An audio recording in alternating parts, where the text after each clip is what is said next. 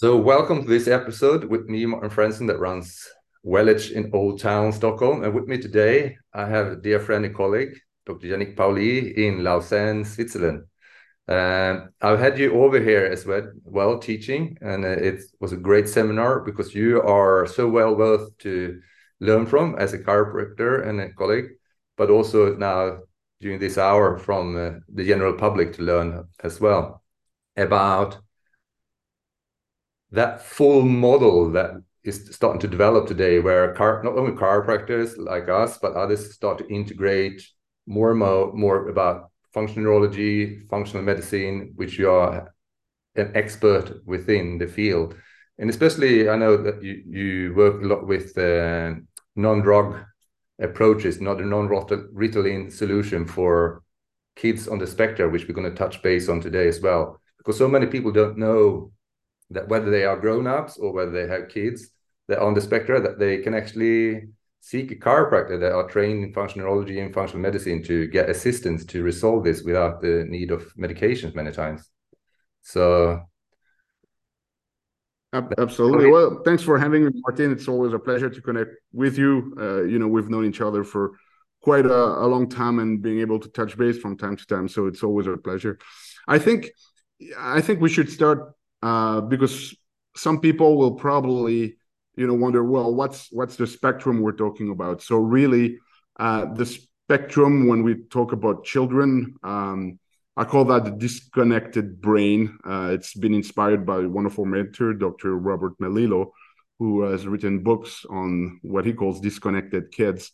And it's really you know that soup of letters that we put on on children and adults um, behavioral and mental issues such as ADD, ADHD, uh, dyslexia, dysorthographia, dyscalculia, dyspraxia, which is coordination issues, and then the whole, you know, all, um, autism spectrum disorders. And then you can throw in there, you know, obsessive compulsive disorders and anxiety and depression. So, uh, you know, at, at first sight, um, a lot of people, they, they know that the medical model has some limits so a lot of people are seeking alternatives, right, uh, to help with these issues. And um, what's fascinating is that people don't really consider uh, chiropractic uh, as part of of the solution. You know, obviously not the only thing, right? It's a teamwork effort. Yes. But there was an interesting study that was done in uh, in uh, Australia a few years back, where they asked parents what type of alternatives they were using, and to evaluate the efficacy of those alternatives. And so there were some common ones, you know, omega 3s, uh, you know, diet and things like that. And chiropractic was really at the bottom of the list. Only about 10% of people had used it in relationship to those disorders, but it came out as the most effective in the view of, uh, you know, of the parents, uh, which is very interesting. So it was one of the least known, but when people use it, it was the one that was uh, really discussed as being one of the most the most efficacious. And today, excuse me, what I want to do is uh, is present my what I call the 7D model. Is really if you if you have a child or yourself on on that um, you know spectrum of issues, I want you to really understand what is going on in in your brain and we're going to tie it back to how chiropractic um, can help. So I think uh, you know probably the best way to start, uh, Martin, is to to really differentiate you know the the medical model as it is used today, and and the model of of a functional approach. So in medicine, basically, if you take those disorders, they will uh, diagnose you based on cluster of symptoms. So, for example, if you have mainly inattention and hyperactivity, you're gonna get, uh, you know, diagnosis of uh, ADHD. If you have more social uh, integration and communication issues, they're gonna put you on the autistic spectrum disorders. If you have, um, you know, reading issues, you're gonna be labeled as dyslexia. But there's a lot of controversies uh, you know over those disorders and even like the reliability of some of the the questionnaires that they use is not 100% so if we take an example for example adhd uh, there's some scales that are used to diagnose and you have you know some symptoms on the inattention side and some symptoms on the hyperactive impulsive sides. There's nine criteria and if you say yes to six of those then we can put the medical diagnosis and put you on uh, mind altering medication now here's an interesting question uh, what about if you have five out of nine mm. you know you don't have a disorder but then suddenly, if you have six yeses, which is an evaluation from the outside, then suddenly you have this so-called mental disorder, right? Yeah. And now that begs another thing: is that if you're six out of nine, and I bring you from six to five with my treatment, have I cured you from the disorder? Yeah. You know, and I would say someone that has five criteria out of six, not diagnosed, but in their daily lives, they're still going to have a lot of issues, right? Yeah compared to someone that, that's sick. So there's, you know, there's a lot of um, issues related to, to the diagnosis. And then obviously, uh, there's the approach within in medicines is essentially uh, based on either medications or psychotherapy or both. And that's a model uh, that's reliant on basically a model that dates from the 1950s uh, that says in ADHD, for example, you have a deficiency in dopamine, so we need to boost dopamine in your brain with those medications. Um, the idea here is that really what's happening is, you know, problems in the prefrontal cortex that act as a brain for uh, as a brake for the rest of the brain so those medication, they're actually stimulants, and some parents may wonder, well, why do we give stimulants to someone that's already hyperactive, right? Well, what it does, it will boost, you know, the brake mechanism. Yeah. Uh, it would hmm. still stop the engine if you want. So a good metaphor to understand like an hyperactive child is like having a Ferrari and poor brakes. You know, like you have a really strong engine but poor brakes. And the problem with a lot of this medication is that if you look in, in the in the science, uh, they're really effective in the short term to calm down the symptoms, to control the symptoms, but there are very few studies on their impact on long term uh, benefits. Actually, some of the longest, you know, duration studies, which is called the MTA, um, it shows that whatever you do after two or three years, there's no difference.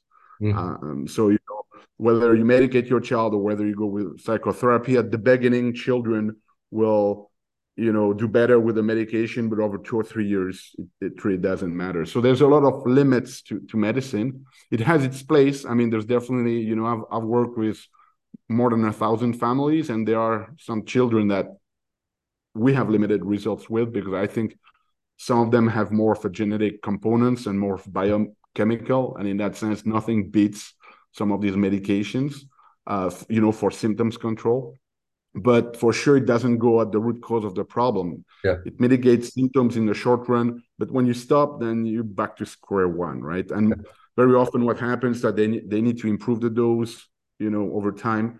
Uh, to a point where then it doesn't work, so they have to change medications. So there's a, a lot of issues, and obviously, as parents, you, you know, you want you. I mean, if you can't, you want to find other solutions that are um, long-term solution for your child not to medicate and, and that's normal so really the, the model that we have developed is trying to understand okay what's going on underneath those disorders because there's really a and even in science now a move towards what they call transdiagnostic approach which is instead of diagnosing children based on uh, you know symptoms to try to understand what is going on in their brain yeah. and what these studies show is that um, there is really different path, meaning that when you have ADHD, there are different neurological imbalances in your brain that can bring to that. Uh, some of them are related to prefrontal cortex, some other are related to working memories issues. It's even more obvious in dyslexia, where if you look at the science, um, there are different theories as to what is going on neurologically in the dyslexic brain. Uh, some show that it's issues with part of the brain that help to decipher phonemes, which is you know the sounds of of the words. Some have shown there's like dysfunctional visual pathways. Some of some other theories about the cerebellum dysfunctioning. And what's really interesting is that each researcher is like, well, my theory is the correct one. And when they yeah. publish studies, they go all about all the supportive evidence for there. And, you know, and very few have this idea that, well, maybe they're all true, you know, and some children have more. And there's actually lately a study that was done on that where they actually tested for everything and they've shown actually there's profiles, different profiles, you know, some children that have more of this, some other more of that, some it's like a little bit of the three. So really, uh, you know, and there's a lot of things that can help, right? For parents, this is what happens that, you know, maybe their neighbor uh, have an issue uh, with their child and they try omega 3 and it re- really helps a lot yeah. so the parents now uh, they hear about that and they go they buy some omega 3s and they give it to their children and nothing happens uh, because there's these different patterns and really a lot of people there's a lot of therapies and everybody believes about their therapy. Yeah. and they apply every the same therapy to everyone right? So if you just happen to have like a i don't know a visual based therapy and you give it to a child that have a visual based issue then that's going to respond well. But then the next one maybe have a needed auditory issue and you apply the, your visually based therapy and nothing happens right? So i would say the magic in what we do it's not about uh, it's not about um, the therapy because I haven't invented anything. It's more about the magic is in finding out what's going on specifically in the brain of that child yeah. and being able to target that uh, specifically. So, yeah. Any any question on that or? No, it's it's so so uh, true. Uh, I mean, this is our common uh, outlook, you know, to find out what is it that that disturbs and it might be one thing or it might be multiple factors of things that uh, is the underlying reason why these different symptoms are showing up. And it's so important to find out what is the underlying disturbance in the nervous system's function in the brain's function and how to support it in the best way possible that we can do to serve the, person before us whether it's kids on the spectra or grown-ups on the spectra. And so yeah and and I think it's it's very important because I mean it's just good medicine in, a sense, right? I, am just going to show one case. It's a bit of an extreme one, but it shows the importance of that. Um, that young kid was called Johan, and he had been not doing well um, for about two years. His performance in school was degrading, um, a lot of fatigue, and uh, couldn't concentrate. So he got diagnosed with uh, ADHD. They put him on Ritalin that didn't really change anything. So uh, the pediatrician sent him to a psychologist uh, or psychiatrist who actually diagnosed, uh, you know, confirmed the diagnosis and then um, added that he had anxious uh, disorder. So they added an anti-anxiety medication, and that still didn't change anything. And he started having um, kind of hallucination like he felt little things crawling on his on his skin which is, can be a, you know a, a, a an effect from the ritalin um, yeah. so they sent him to this big university hospital guy a psychiatrist and actually he come from the two previous diagnoses and he was he said well he started having um, you know like a de- delusional issues so they put him on a neuroleptic so now he was on three drugs and still not progressing. And he comes to me and I look at the child, and the first thing that, you know, I'm like, man, this child is sick. You know, there's something in his eyes. You know, it just tell you that th- there's really something. So I do my whole process and I don't find any of what I'm going to show here, which we call the seven Ds. I don't find any of the dysfunction that we typically see in those developmental disorders. Okay. Yeah. And the only thing that we see on a blood draw is that his CRP, which is a marker of inflammation, is really, really high. And he has a pattern of infection. And I'm like, whoa, that's weird.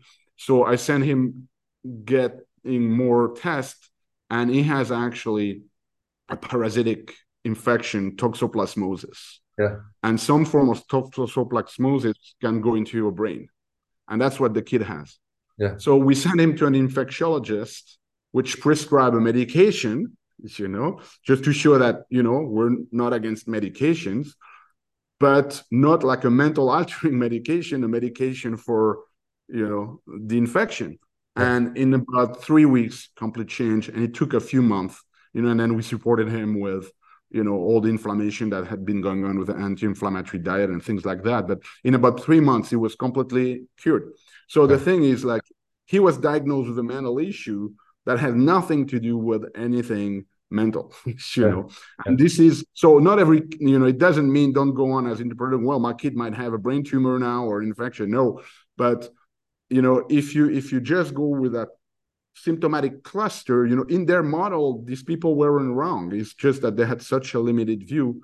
And then we point when we pointed out to them you know the errors that like they were you know they didn't want to respond on anything which is sad because it's really about the patient so when yeah. we go into smalls to make it simple there's really like two things you need to look at you need to look at the brain as far as you know yeah. the circuits in the brain and you need to look at uh, the metabolic uh, side of things. So in the brain, there's really uh, seven Ds, and we'll see if it matches because it's seven Ds in French. So we'll see if that translates to uh, uh, to um, English. So the first D is really that the brain is delayed. Okay. If you look at the brain, it will develop according to a certain trajectory.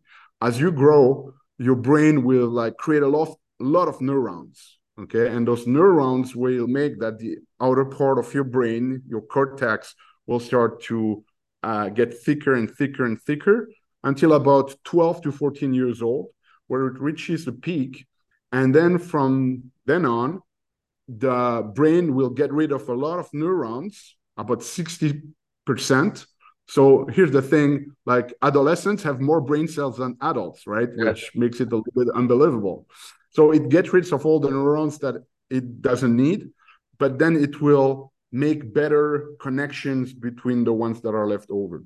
So there's really a trajectory of development. So you have some children that have, for example, brain lesions uh, or trisomy, for example, they have a totally altered brain development. Okay. On the spectrum, it follows the same trajectory, but it reaches some of the milestones with a delay. Yeah. And it's not the whole brain, it's usually part of the brain, and the parts that are delayed define the syndrome, if you want, or, yeah. or the diagnosis. But it's like, it's not altered, it's just slower or more sluggish in the development. And in ADHD studies, it's about two to three years. Okay, so the first thing is very often you have these children and we interact with them and we expect them to be their chronological age. Well, you're 10 years old, you should behave this way. And we forget that part of their brain, they're functioning maybe at six or seven years of age. Okay, so that's a very important things to remember. So that's the first D. And obviously, that's, you know, when I talk about the seven Ds, that's commonalities in all of those disorders. Then there's specifics. For example, in autism, uh, in autism it produces even more uh, you know brain cells that it should uh, and then when it prunes when it gets rid of them like it does so more slowly so and then there's also micro architectural changes i'm not going to go into the details but there's you know then there's specifics to those disorders also but here i'm just talking in general. So the first d is delayed okay? Uh, the second one is uh, dephased uh, so there's kind of phases of development, and as you grow, there's priorities. You know, in the first three years of life, your right side of the brain, your right hemisphere, is more metabolically active, and the more metabolically active it is, the more susceptible it is to injury. And then it switches over, and it's the left for about two or three years, and it, it uh, switches like that. And one of the things that we know in this uh, children population is that there's asynchronous brain development. Yes. Meaning you have, you know, one hemisphere that is uh, doing well, maybe even like a little bit earlier development, better than it should, and the other one is lagging behind. And this is very important for parents to understand because a lot of the time, you know, they they go and they get assessed and they're like, well, he's really good at reasoning, but then he can concentrate. So they, they have these asymmetries in function and a lot of parents and professionals they scratch their heads like well how come he you know he doesn't eh, he, he can't really perform because he's so smart at the same time. So it's really small of asymmetry or asynchronous brain development is really is really at, at the core of this understanding and that's a big one that we see in in, in every children and i don't know if you remember you remember the, the film rain man yeah, yes. with uh, dustin yeah. hoffman and uh, uh, what was uh oh the guy from top gun there i can't remember his name now you know famous uh Tom Cruise. Uh, Tom Cruise, yeah. So basically, the, the film is all about Charlie Babbitt, which is Tom Cruise, uh, you know, he's this very extravagant guy that discovered he has a brother. Uh, I think it was Ray or something, and he's autistic, right? And Ray is like unbelievable because I don't know if you remember that scenes where like there's matches that falls yeah. out of the box and like he can instantly know how many there are, but then like he can't even button his shirt on his own, right? So it's really this asymmetry of function, and that's the extreme. Uh, but I think a lot of parents, uh, at least our age, or more will relate to that.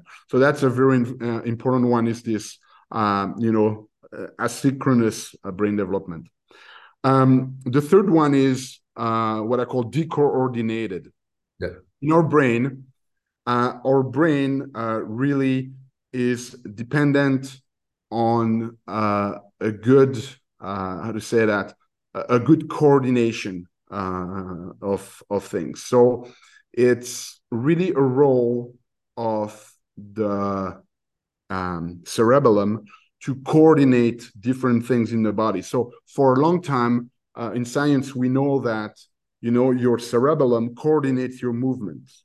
Well, now they found out that this cerebellum is actually not coordinating just movement; it's coordinating thoughts and emotion.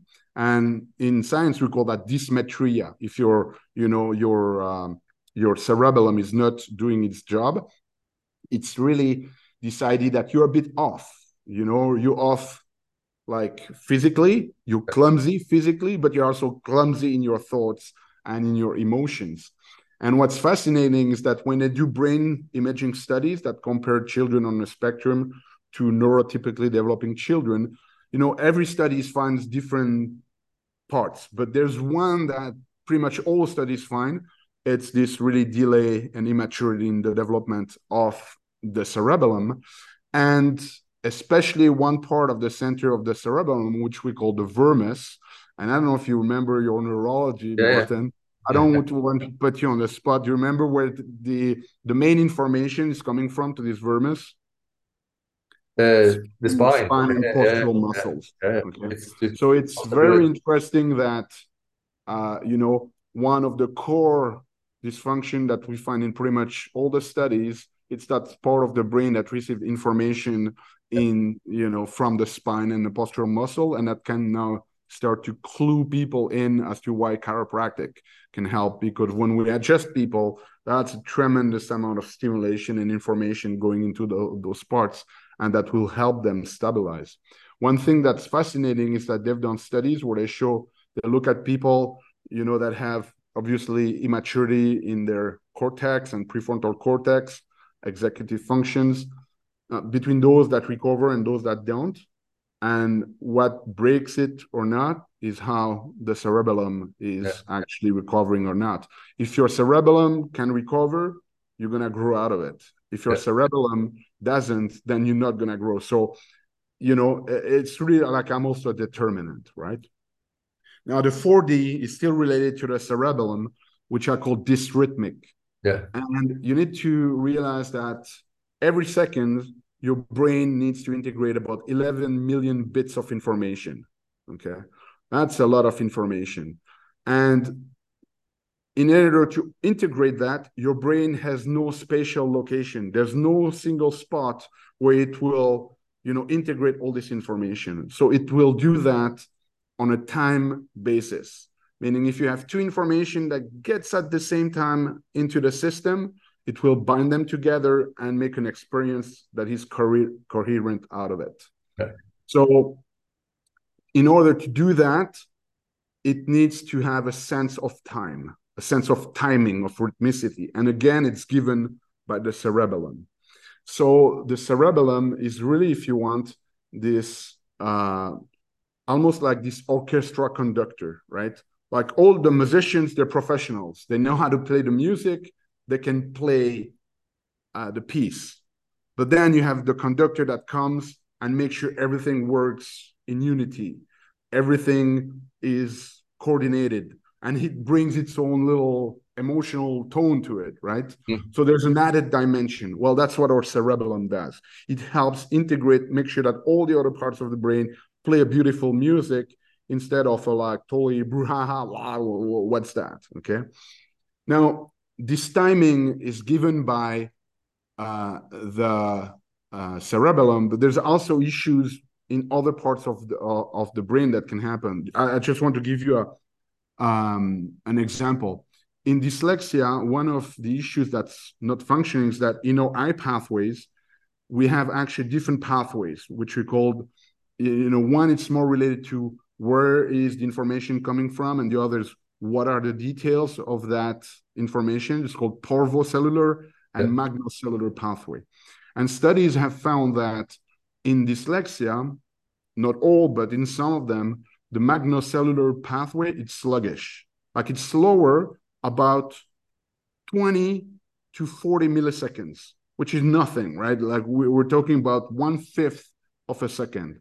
And yet that one fifth of a second is what can be a lifetime of struggle for your child Yeah. you know? So just show us how really timed and really calibrated the system needs to be in able to be able to express our beautiful humanity right? So that's another this other dimension. The fifth one is desynchronized. So far so good right with the translation. Um, when we talk about this asynchronous brain development uh, it's not just on the way it develops on a physical nature of the brain our brain communicates a lot through electromagnetic communication right? So we need to be on the same wavelength. So here if we had like you know now we have zoom to communicate but let's say we go back a few years back and we have walkie talkie you know Yeah. we would need to be on the same wavelength in order to be able to communicate. And that wavelength there's obviously different ones in our brain right? When you sleep it's not the same as when you're alert or when you're relaxed. Uh, there's different path. But at the basis of consciousness there's this 40 hertz frequency that is actually um, given by uh, some pacemaker cells in uh, you know part of cells that create circuits which we call thalamocortical circuits. And in science they call that thalamocortical dysrhythmia. And it's been shown to happen in you know those, those spectrum disorders schizophrenia even chronic pain. Yeah. so basically you have this generator of those rhythms in your brain. And if you start having imbalances then again the brain cannot truly communicate electromagnetically um, because it's not on the same wavelength. You know one of the metaphor i use like uh, you know you hook up like a, a macbook to an old commodore 64 Yes. you know? Uh, and that's not going to work very well. It bugs and it gives you a lot of, of things. So this thalamocortical uh, dysrhythmia which is really interested is that those thalamocortical neurons they get a lot of input into the system. And when they cut the different connection it works less well but it still works except for one pathway when they cut it everything stops. And guess where it's coming from? Dorsal columns in Mhm. your spinal cord which again comes from your spine and your muscle so again we're like you know our spine is really at the core of a lot of those mechanisms um, in, in the brain. So if it's not working well you know your cerebellum's not going to work well your thalamocortical neuron's not going to uh, work well and then the rest of your brain's not going to integrate very well. Okay. Uh, the sixth one is called uh, disconnected. And disconnected is really it can be disconnected physically and as i just mentioned disconnected electromagnetically. And that's something that uh, is very obvious for example in in uh, in autism where actually when your brain starts develop it starts creating connection first with very local neurons and then with neurons that are further away so, for example, in autism, what happens that physically you start having over connections locally and less connections, you know, distally or further away. Yeah. Now, obviously, you know, once the system develops this way, there's really nothing that you can do to regrow, right? Things. But then what we can do is that we can use all the pathways to kind of calm down the ones that have too much connections, and then we can improve the connections of those ones, uh, you know, that are long, long yeah. range, what we call long range. We're not going to be able to make more neurons, but the neurons that are existent, we can make them more connected with them by working them out, right? And then uh, the seventh one is uh, what I call detuned. And if we go back to our or orchestra, like imagine that you have, you know, uh, the wind instruments and you have the percussions. Now, let's say that they all do well, but you're listening in, you know, the theater and the microphones have issues where you have the one from the winds. It's like it's set up too much, so you hear them a lot and mm. the percussion, the microphone is turned down. So they're all playing well, but you hear one over the other. Yeah. And that's another thing uh, where there's really too much activity in one part of the brain and not enough, uh, you know, in other parts. And those relates almost more to um, to more specific issues. For example, but in ADHD, well, you're gonna find parts that are too active. It's gonna be different if it's purely ADD versus ADD plus hyperactivity or ADD with anxiety. And really the magic is in in finding out, you know, really those profiles. Because again, I could let's say you have a child that has a lot of issues where most of his issue with his cerebellum and you go like here we have we call that psychomotricity you know those specialists that take care of children that have those issues and they will work both sides of the body and with a lot of balance and movement exercise. So for that child, he might well benefit a lot from this approach. And then you have the next child where his problem is mainly this asynchronous brain development. So they go to the same therapist and they do pretty much the same therapy and now they still work on both sides of the body. And it's like you know you injured your left uh, biceps and i give you 10 pounds to do that on both sides. Your good arm will grow and the one uh, this one you might even injure it right? Yeah. so they apply the same model working on both sides and the child doesn't progress or sometimes even gets worse. Yeah. because we're not addressing the imbalance. And in that case by working mainly on the imbalance then you can start having uh, good changes. So it's really a matter of identifying the profile of the child. Exactly. Yeah. So, um, any questions or comments on on that? No, brilliantly put. Brilliantly put. Uh, so, yeah. So really, when we when we evaluate according children, to research, we, so. yeah, we go we go through a model because I mean this is well described in research. Now, you know what we try to do is translate that clinically. And so when we when we evaluate children where we go through evaluating different levels you know your your brain develops almost like a house. You need foundations and you need the walls and then you can put you know the roof right? It's so if you don't have foundation everything on top of that. And, and that's the issue right? For example we see children they they try there's a you know there's a few application out there. Cogmed was really uh, uh, known for a while, where it trains, you know, with games, brain games, brain rehab kind of things. It trains your executive functions. Well, that's good. But it's like it's repairing the roof, right? But if at the same time you have no foundations and your wall are all like unstable, then it's not going to serve. So it's really important to to address the child and to build upon what corresponds to their development. So when we evaluate them, we evaluate them through seven dimensions. It's again, the nervous system doesn't make any difference. It's more for us to be able to organize our thought process. But we look at everything that's reflex based, coming from spinal cord and and brainstem, and then we go into physical fitness. Because what we need to realize that those children, you know, when you talk about ADHD, it's based on three symptoms: inattention, hyperactivity, and impulsivity. Yeah. The reality, it's I mean, it's a whole experience. Yeah.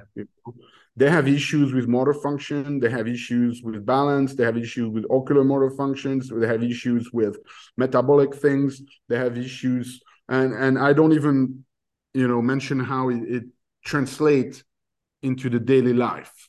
Like I, am uh, actually finishing a, a small book now, and the, the first chapters are the experience of parents and how it is, you know, or, or families, you know, and how it's affected. And I mean, it's, I mean, those parents that they they deserve a medal yeah. you know and no one's never gonna give it to them and there's a lot of shame and and stigmatizations and, and things of that nature parents who don't have a child on the spectrum can't understand that what it is to uh you know nurture a child uh, yeah. with that. Um i mean wow it's like i have so much respect uh, for for you parents who have children on on the spectrum.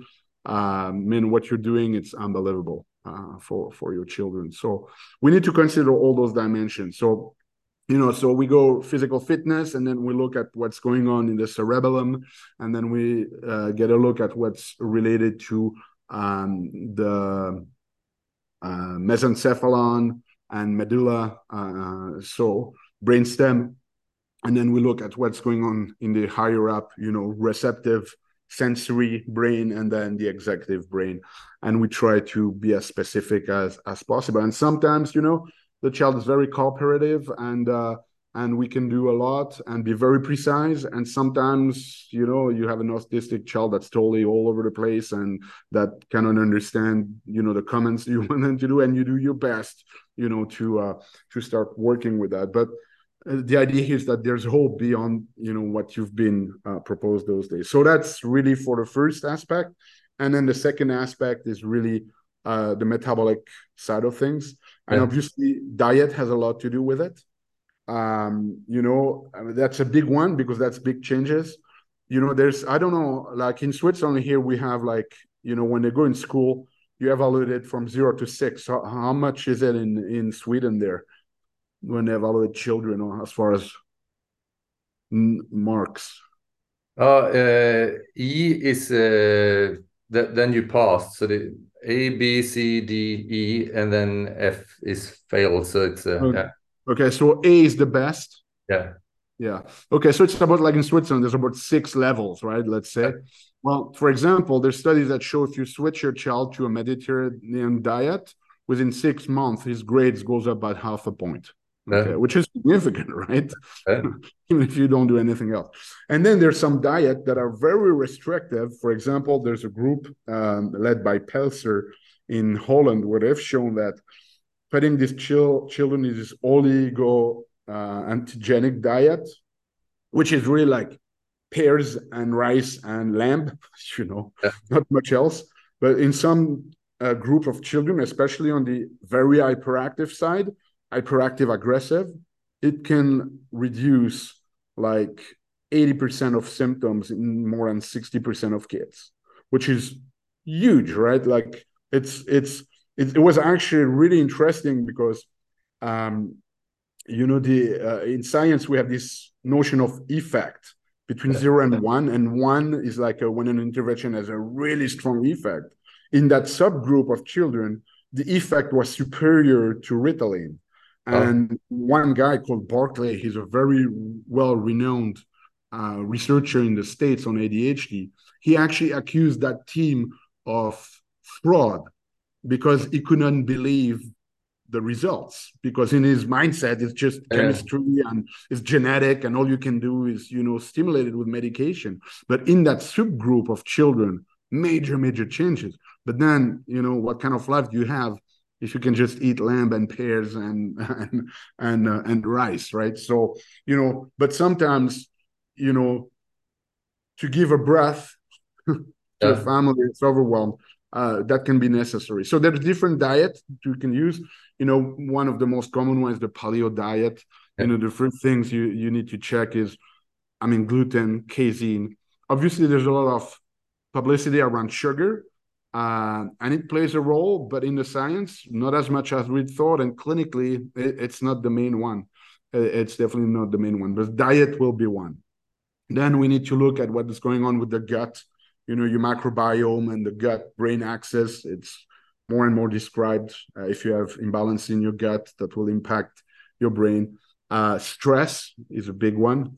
obviously you know if you look at babies they have like their heart rate is very very high right and as the brain develops it kind of dumps in, dumpens it down and well since they have delayed development their kind of autonomic tone is higher so there's a lot of stress issues that we need to deal with um, then we need to look at inflammation and immune system function uh, we need to look at toxicity. Uh, a lot of these children have toxicity. On the immune side, a lot of children have, um, like when we test them for them, a lot of them, especially on the autistic spectrum disorder, on the autism, it's about almost 80, 90% of kids they already have antibodies to their brain tissues, meaning they have autoimmunity to the brain. And uh, so that's you know things we need to look at. So hormone imbalances a bit rarer but that can happen. So it's really a, an idea to have to have uh, this thing. But I, I, like before we started we had this yes. discussion on the importance of inflammation. And i think that's going to be interesting not just for those who have children on the on the spectrum for for everyone is inflammation has a really bad rep right? Because you know in medicine it's a bad thing right nobody have likes having inflammation. You know, you, you have pain, you have edema, uh, you, you can't do what you need to do. So we've developed this approach to uh, inflammation where we try to stop it. And that's based on an old model that believe that inflammation has only one phase where the body triggers it and then it kind of fades away on its own. Like if you, you know, you set a fire and the fire consumed the wood and after a while it goes. Well, we thought it was this way. So we developed uh, anti-inflammatories medication, cortisones, uh, biological agents to stop that inflammation. And about 30 years ago, there's some people in uh, in Harvard that discovered that's not the way at all how it's working. That inflammation has two phases: one initial phase and one phase what we call resolution or rhizoleomics. And without that rhizoleomics, your body can't heal.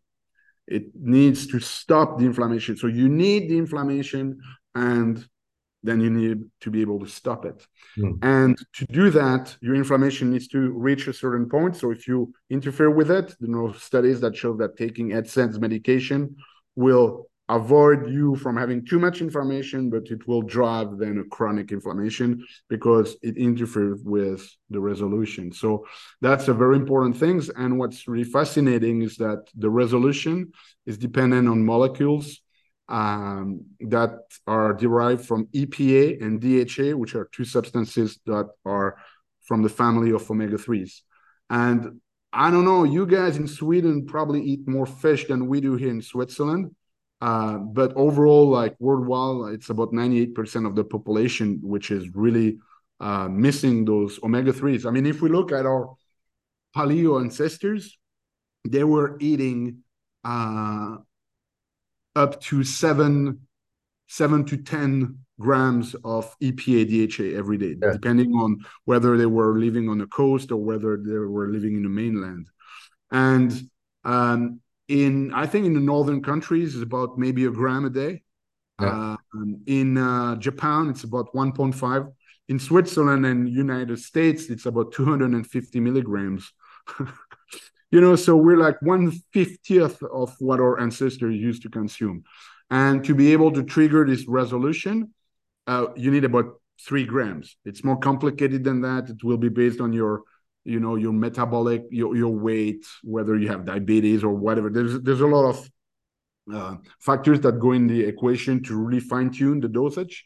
The problem here and it's probably the same for you guys is that in switzerland um, you know you can sell omega 3s but uh, you have a limit to how much you can say. And usually based on the policies around it you know you might have 500 milligrams in a caps and yeah. they might tell you you know take one caps maybe two so people are taking that and i would say better than nothing, but it's really having no physiological effect.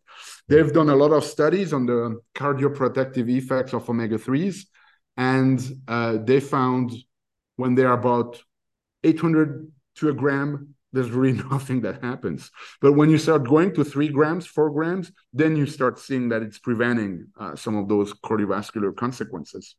So coming back to our spectrum, there's really interesting study. They took children and they actually measured where they were at to give them uh, uh, an amount based on their needs. And when you look at all the studies that have been done on um, ADHD, for example, and omega 3s, there's really about 12% of kids that have a really good response, meaning reduction of more than 50%. So it's not a lot, 12%. But they show that we were talking about this effect is about 0 to 0.3, which is considered like a, a slight to moderate effect. When they look at studies that use the higher doses, one gram, two grams, the effect goes up to about 0.708. So yeah. like stronger effect. So again, you need a certain amount. So you be you could be giving your kids like omega 3 and you give them like a gram a day and nothing happens and you're throwing money for nothing. But what's really fascinating in that study is that some children they had already good levels and if you give them too much yeah. their concentration was affected negatively. Yeah. So this is why it's really you know it's like wow should I spend 100 bucks on a test for that? Don't we aren't we all deficient? I should just take it. Well, you know sometimes uh, so for me, the more precise we can be, the more um, we can discover the profile, the better effect we can have on uh, on this on, on children and on patient in general. So it's really a, a kind of knowing the possibilities, you know, almost a checklist of everything that you need to check, and then uh, to run people through those and really come out with the profile uh, that they have because the more you can then choose like a tool for their specific needs the better the results you, you're gonna get. And as I, I mentioned like i'm not attached to it.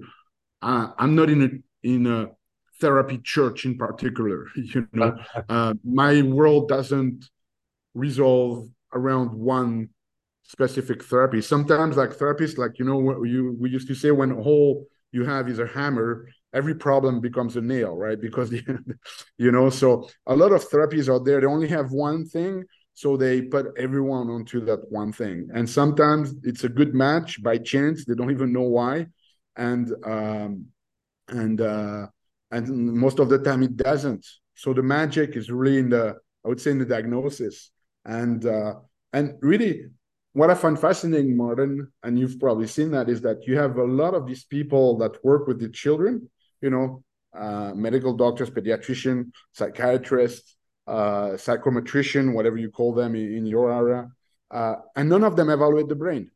Yeah. You know, they come up with they, they, they come up with their protocol. They might they might do a neuropsychological exam, right? But that that is more looking like at the software of the brain rather than hardware. And mm. no one does a neurodevelopmental exam. Say, well, here's the missed milestone kind of things, right? So I find that fascinating that we have all these people that work with children that have brain developmental issues, but that don't evaluate the brain. And if you, I mean, if you were to ask them what's going on in the brain of my child, they probably wouldn't be able to re-answer anything coherent, right? So, oh, it's uh, you know, in medicine, it's a well, it's it's a genetic condition with a dopamine deficiency. And uh, well then if there was only that i mean you know your medication would be revolutionary. And for some it's like it makes a major change don't get me wrong but like there's so much that is missing to uh to the big picture of, of things. So here's here's for the ramble you haven't too much right uh, but what what i really want parents to understand is that you know there are models that can give you a lot of hope. And obviously, you know, we we're not God. We cannot guarantee 100% uh, success. There's many factors that are involved, but there's really a way to go about it that is organized and thought through and and based on science. And uh, and chiropractors that have you know trained into into this this perspective, I think it's very good because we we still have in a sense like I know our profession is really proud in being in natural setting. At least in Switzerland, we're part of the medical system, so we still have like a a good understanding of traditional medicine. You know, some of those other alternative, these people they I mean, they just know their things, right? And they they don't. So we have this kind of middle role where you know we have a really holistic approach in how we approach the patient, but still yet we have good training, foundational training in in the basics of medicine, and so we can really make a, a you know a good link between those two worlds of the complementary and the traditional system. And I think I think for me, there's no doubt.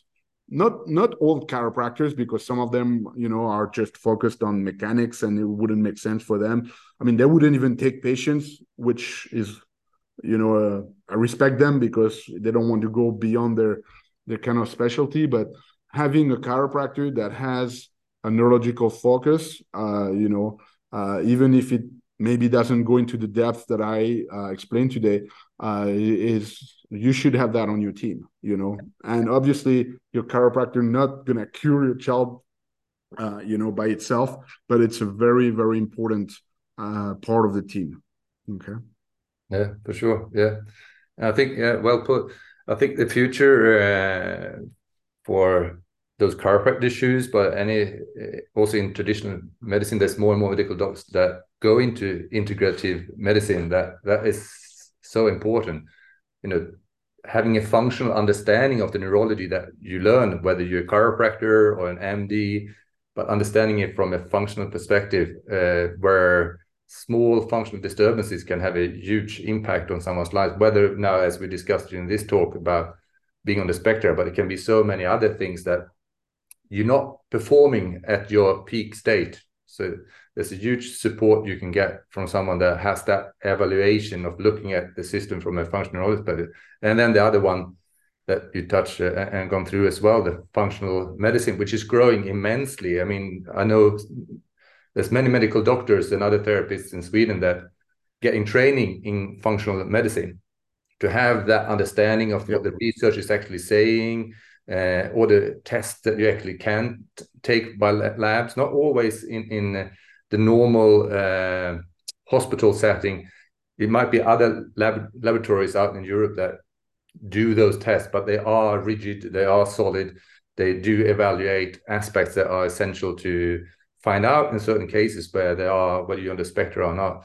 And when you put those two together, integrative medicine, functional neurology, look into brain first, and the functional medicine, then you get a, a very holistic approach. And when then you're in your toolbox allow yourself to be flexible uh, if you're willing to do that and use all the senses sensory motor stimulation where you know we both use visual stimulation colors lasers different kinds of sounds. There's so much within the field of just light color therapy that you can integrate and get to learn by coming to someone like ourselves or others.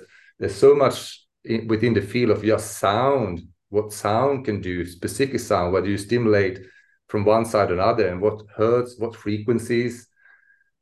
There's so much research, and not only research, but the most important thing, things that have an impact on on a person in improving their health from the inside out. Obviously, olfactory, we work with uh, all kinds of scents. I work with essential oils here at, at, Welledge.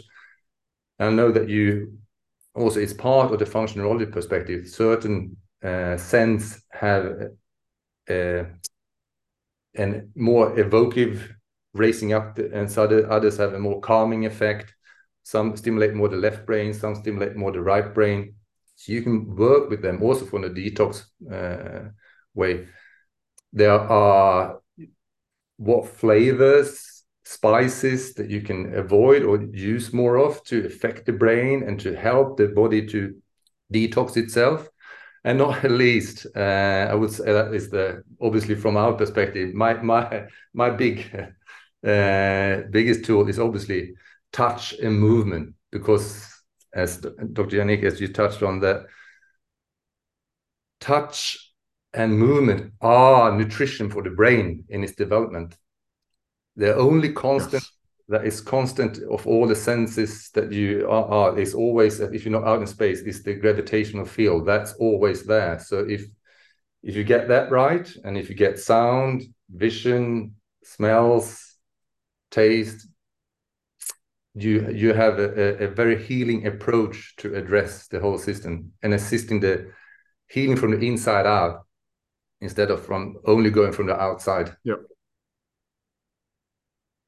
You know, and one thing that I really want to emphasize, Martin, uh, before we started the call, you were talking to me about one of the technique that you use is where yeah. you pick up on the body. Yeah.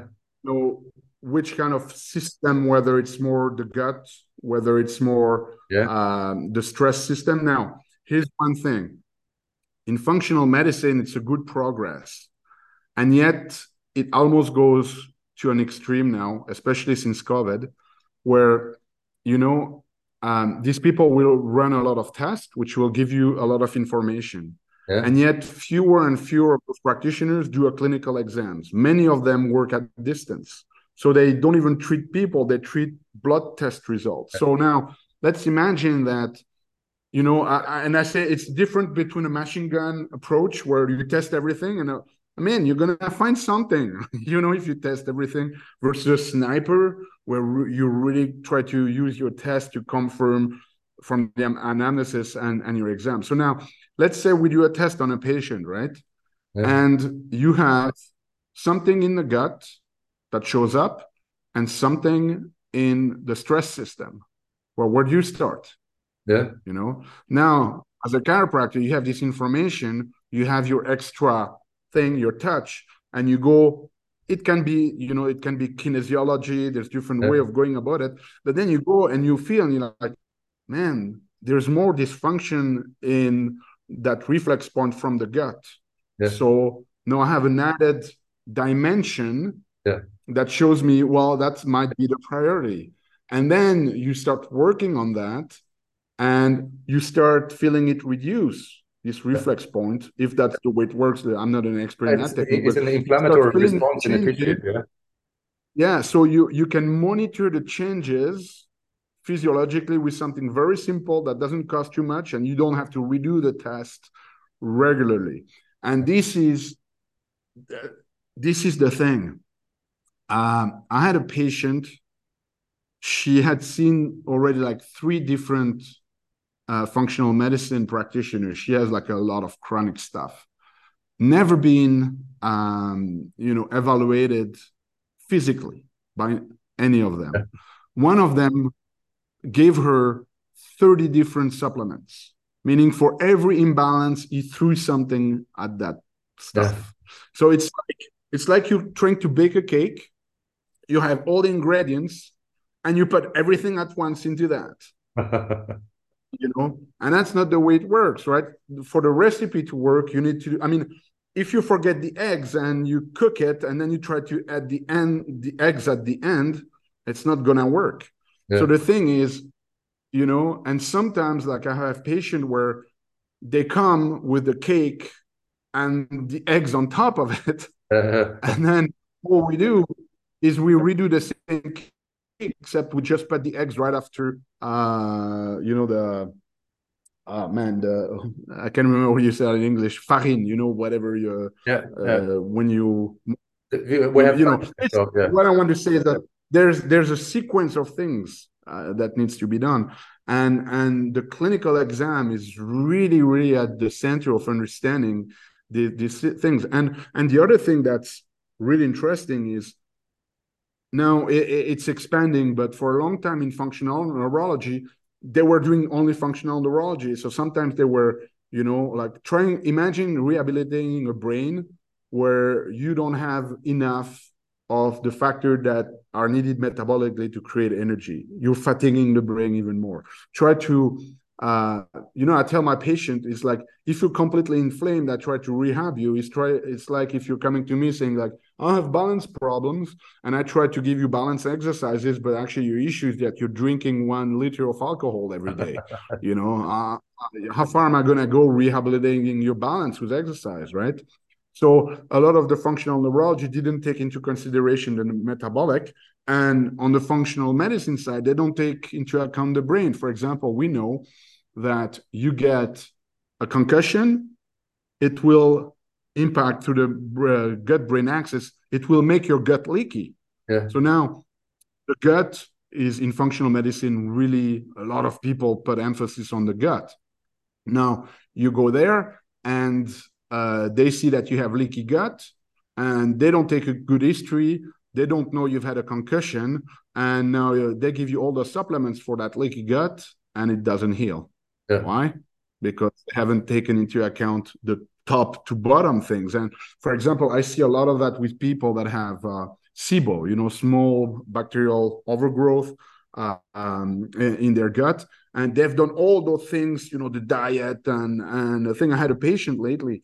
Um, yeah, I mean, 20, 20 or 30 years, 20, let's say 20 years of constipation uh, sent to me by a, a, medical doctor that had, that does a good job on functional uh, medicine. And he did everything and still yet no change on his constipation, you know. And we checked her, and there was a neurology. I mean, your gut, there's the tube, but then there's the control, you know. Yeah, exactly. And a lot of people in medicine they forget that. It's about the control, making sure your brain can control your organs and get proper information. And that's what we do as chiropractor. We ensure that proper communication. So, you know, we did some functional neurology with her and reduce her stress level. And in about uh, the first evaluation we're about 30, 40% better.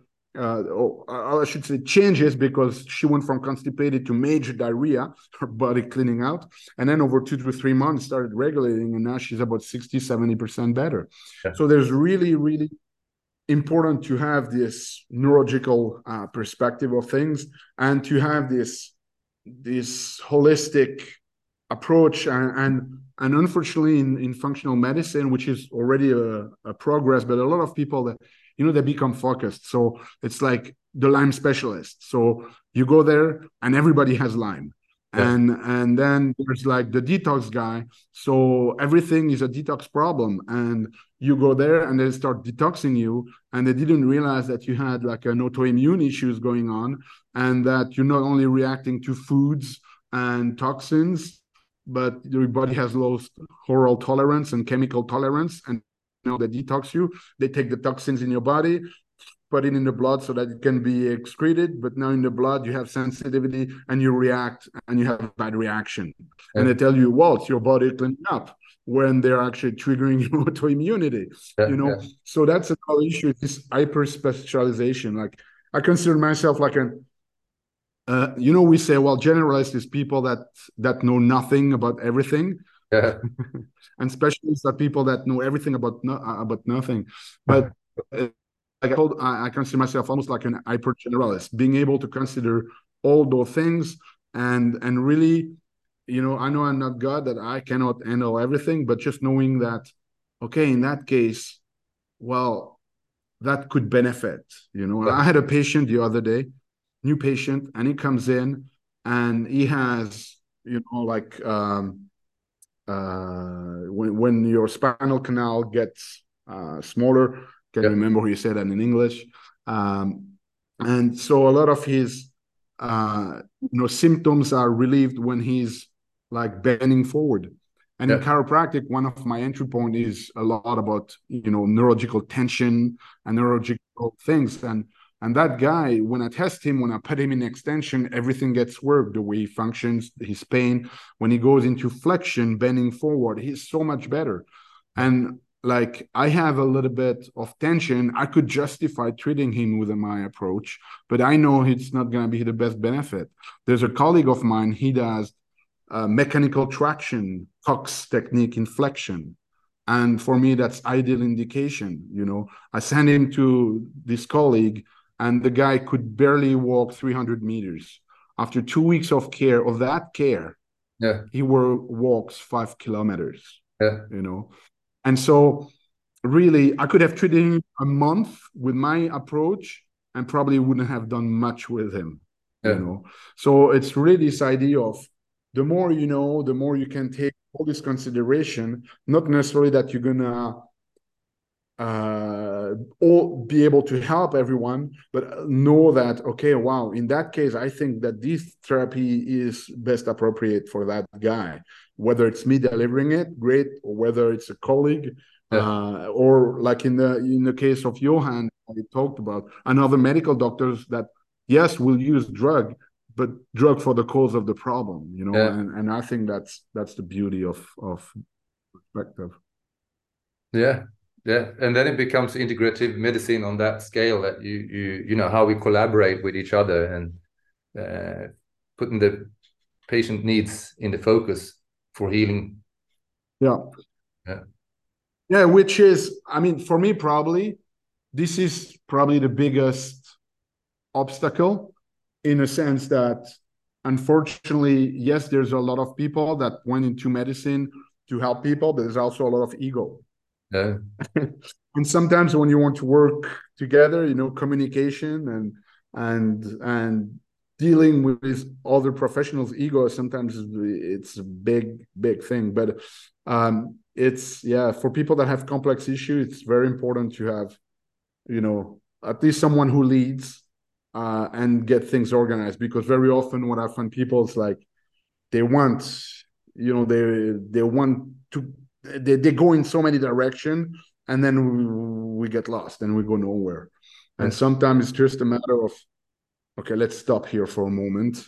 Let's take a few step back. I know that you try to want to go further but man we need to you know like this these patients like 30 supplements. Now she's on a detox protocol and it's like well you know and nothing has worked. And it's like well where's the clinical exam yeah, yeah, well i haven't had any clinical exam. Well i don't know if i'm going to be able to help you but one thing i'm sure of is that as long as we don't have a clinical exam Yeah. we're not going to go anywhere. We don't know the priorities. We don't know you know what, what what's going on. So i think that those things here that we have uh, it, it's magic and it gets lost you know at the uh, on those times of chat gpt now you know i I saw an article in a newspaper the other day. This lady that went to I don't know how many dozens of specialists in the states, and then she typed her child's symptoms in in ChatGPT, and ChatGPT, you know, came up with a diagnosis, and she went to a specialist with it, and they confirmed that what it was.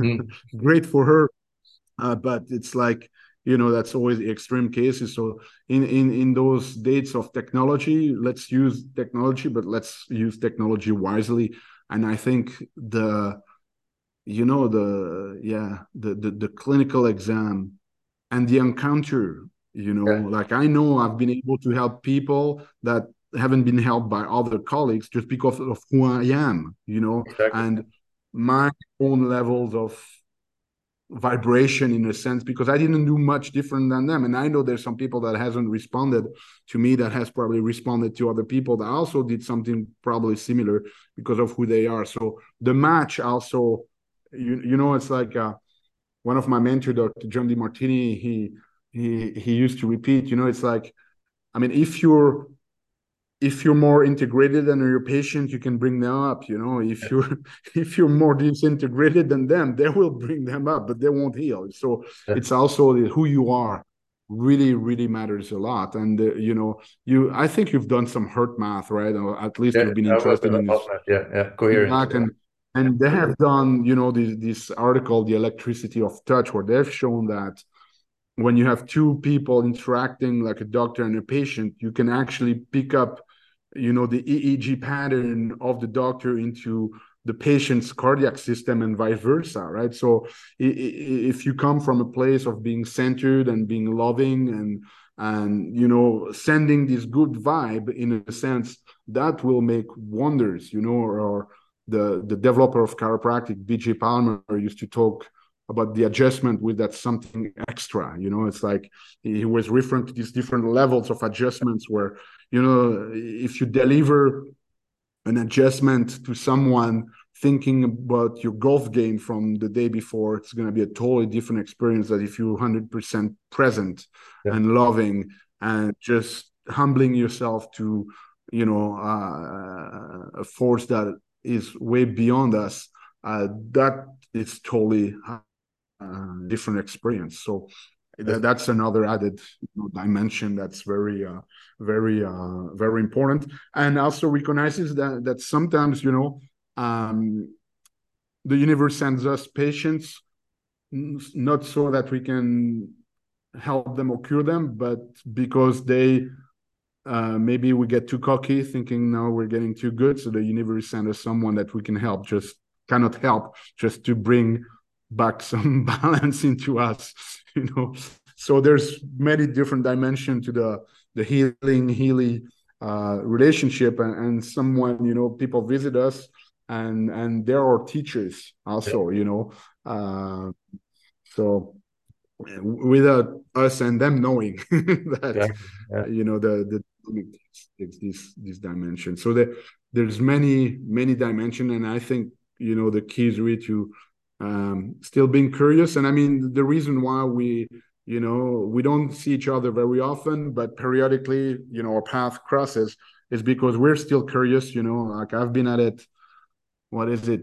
Uh, soon it's going to be 25 years and uh, i'm still i'm still in that sense of almost doubt you know sometimes i mean i have certainty about what i can bring but at the same time i still have that thing is like uh, the impression i don't know anything and i'm just starting and and that yeah. maybe one day i'll figure it out so it's this curiosity and this humility i think it's very very important when you're looking for someone uh, to care for you that uh, they're especially if you have complex things that they're humble uh, say well i for sure uh, don't have all the answers, uh, but I will search for them yes. when needed.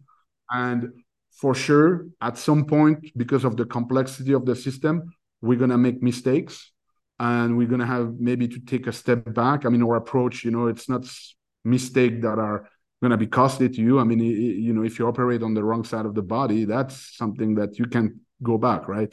But it's like you know, sometimes, and even sometimes, like we do something and it's not the response that we want but just the response that we've gotten give us a new clue as to uh, what is going on. So it's really this um, you know the, this uh, idea of yeah you know let's be humble. Things are difficult. Even if when we talk about it theoretically it sounds really uh, you know well organized and easy uh, things are complex. You know there's so many dimensions and uh, we just do our best. So, you know, if you're looking for someone, there's hope and just find someone that you resonate with. I think it's very important. Yeah. So important. So well put. Yeah. Uh, so wrapping this up, uh, pe for people that, you know, because there's going to be listeners from all over the place, uh, not only in Sweden listening to this, for those that are curious, finding out more about you, you, you have several web pages with really good information, I believe still. Yeah. So how yeah, do you... I don't know. You know, like I have so many things that like some of them I don't even remember they're online, and some of them are we read things on in English uh, for people, uh, which is called the Unritalin solution, but it dates from 2010. It's really updated. We haven't done anything for for them. I have my YouTube, but it's like in French one, once a week. Probably if I don't know where you put the information, but if you uh, if someone really has a question, just send me an email um, you know you have my email you can you can put my email there. I'll put your email uh, detail yeah. So it, it, because i mean again i like i could list you all the things i have but i'm not sure it's really going to be helpful for people. It's just better for them to just send me an email if they have a question and i can direct them to to the resource uh, if they're interested in knowing more. Wonderful. Is there any last words you would like to to wrap it up for the listeners? Uh, no, thank you. I think uh, yeah. you know, always appreciate the opportunity to be able to share, uh, you know, some of the things we do. So I really appreciate you inviting me, and I really appreciate people uh, listening because I know in today's you know environment, your attention and your time are very valuable. So I'm yeah. really appreciative of people taking the time. Uh, yeah, you know. Yeah, yeah. Thank you for taking the time to my pleasure. To share your expertise and knowledge because it's it's valuable and more people uh, needs to get to know it. That's my certain certainty. So for those listeners that have stayed all the way to this, listen to this, uh, there will be details down to contact Yannick Pauli. There are my details uh, as well about Welledge Old Town. Uh, you feel free to reach out to Dr. Yannick, uh, to myself with any questions, anything that you want to uh, yeah you you like to have answers on and we will do our best to assist you So with that, thank you ever so much. Be well and have an edge. And I'll stop the recording here.